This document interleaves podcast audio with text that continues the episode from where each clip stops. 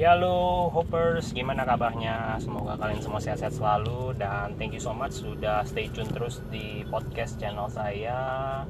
Bisa klik subscribe ataupun following kalau teman-teman suka sama podcast channel saya. Thank you buat teman-teman juga buat yang udah sharing uh, link podcast channel saya untuk didengarin sama teman-temannya.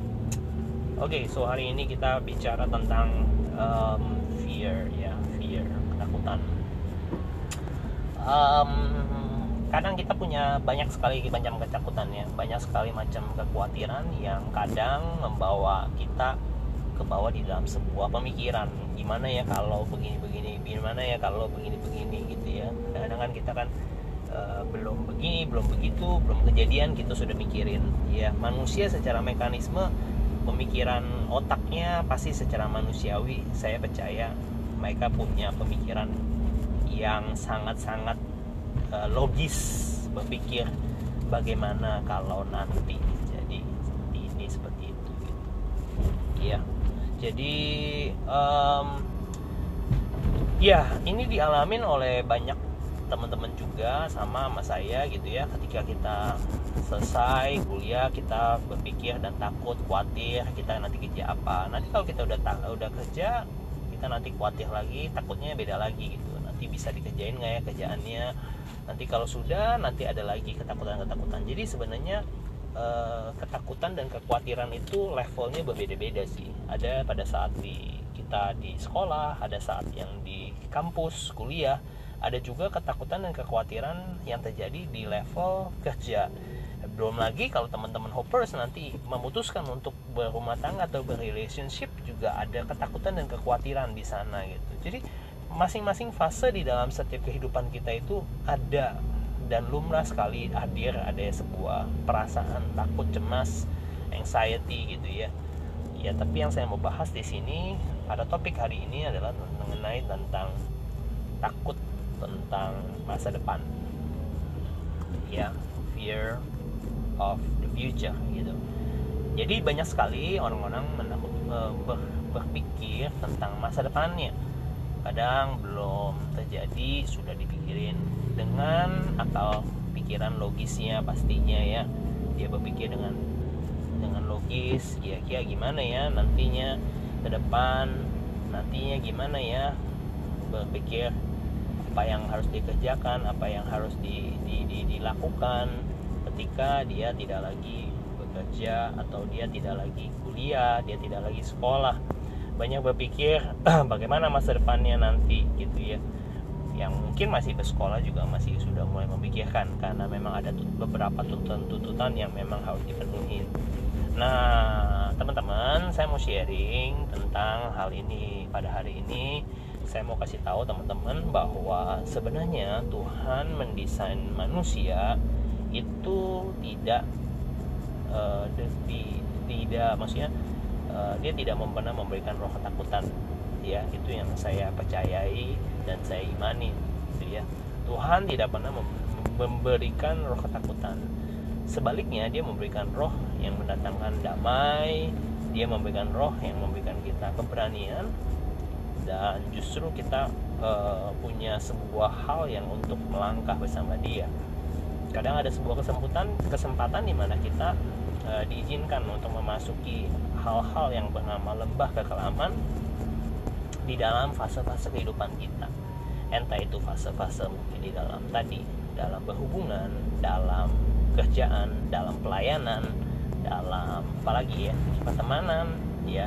Kadang kita diizinkan untuk itu. Nah ketakutan kita kadang-kadang melihat masa depan itu kenapa? Karena kita melihat keterbatasan atau kekurangan kita iya biar banyak orang sering kali takut melihat masa depannya karena dia fokusnya kepada kekurangannya, kepada kelemahannya, kepada kekurangan-kekurangan yang dimilikinya. Nah, ini kadang yang menjadi concern dari orang yang takut melihat masa depan karena dia fokusnya kepada kekurangannya. Nah, saya merasa bahwa memang semua manusia pasti ada kelemahan dan kekurangannya. Tetapi ketika kita salah fokus, kita justru fokusnya kepada kelemahan dan kekurangan kita, justru kita tidak menemukan sesuatu untuk kita memiliki sebuah keberanian untuk melangkah di masa depan.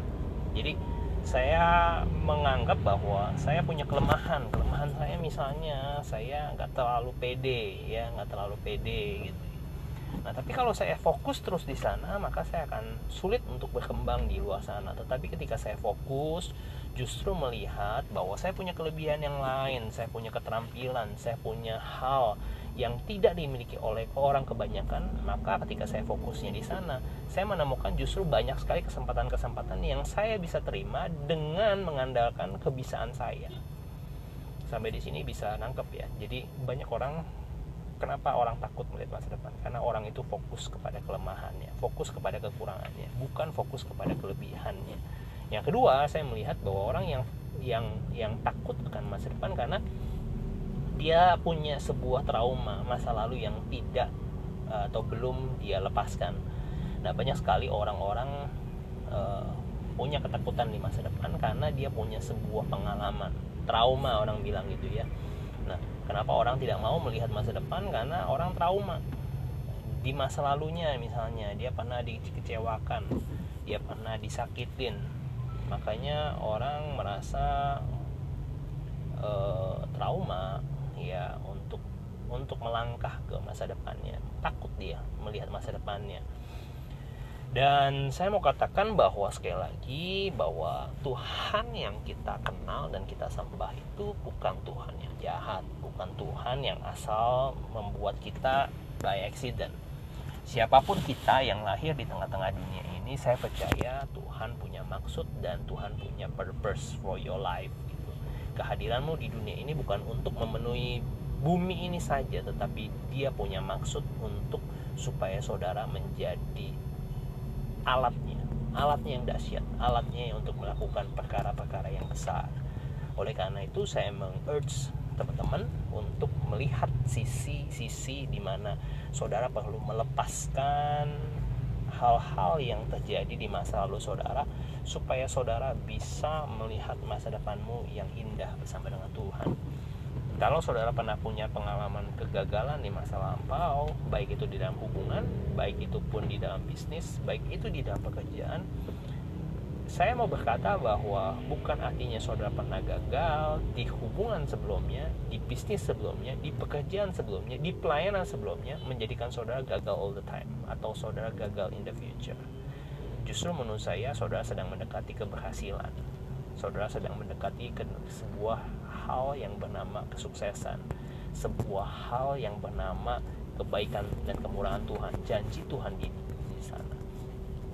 Saya percaya kalau kita berjalan berdasar tuntunan Tuhan kita mau bergerak terus kita mau pantang menyerah kita mau terus berjalan bersama dengan Tuhan saya percaya kok kita akan menjadi orang yang mudah dan bisa diberikan kemampuan untuk melepaskan masa lalu kita yang kelam ya kegagalanmu lepaskan.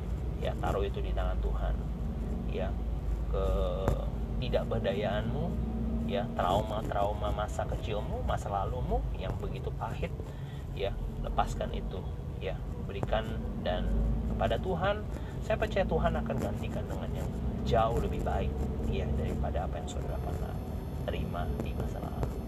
Yaitu ya orang takut melihat masa depan. Yang pertama adalah orang yang fokus kepada kekurangannya. Orang yang takut melihat masa depan adalah orang yang tidak mau melepaskan atau belum bisa melepaskan masa lalunya. Orang juga ya bisa me, uh, takut melihat masa depan karena um, dia uh, tidak menyelami atau tidak mengenal bahwa Tuhan itu menyediakan yang terbaik. Saya percaya kalau kita punya anak ya orang tua itu secara natural pasti akan mempersiapkan yang terbaik buat anaknya. Saya percaya itu ya. Bahkan ketika saya berbincang-bincang sama seorang manajer HRD saya dia bawa berbincang-bincang jauh hati-hati ada perbaikan jalan di depan. Jauh hari sebelum kejadian sesuatu terjadi di dalam kehidupannya dia sudah mempersiapkan segala sesuatunya. Bahkan ketika dia bekerja dia sudah menyimpan ya uang dia bilang gitu ya dalam bentuk emas dan lain sebagainya supaya si anak ini bisa sekolah dengan leluasa. Dana yang dibutuhkan untuk sekolah ke luar negeri bahkan dia sudah siapkan. Bukan hanya sekolah tetapi hidup di luar negeri juga sudah dia siapkan. Ya itu gambaran orang tua yang jahat. Ya dan meyakinkan kepada saya saya punya bapak yang lebih baik yang ada di sorga. Saya percaya dia pasti terlebih mengasihi saya. Ya kalau bapak yang jahat saja yang saya pernah dengar dari apa yang disaksikan oleh keluar dari mulut daripada manajer HRD saya menyediakan yang terbaik untuk anak-anaknya. Masakan saya anak-anaknya dibiarkan saja oleh bapak saya yang ada di sorga.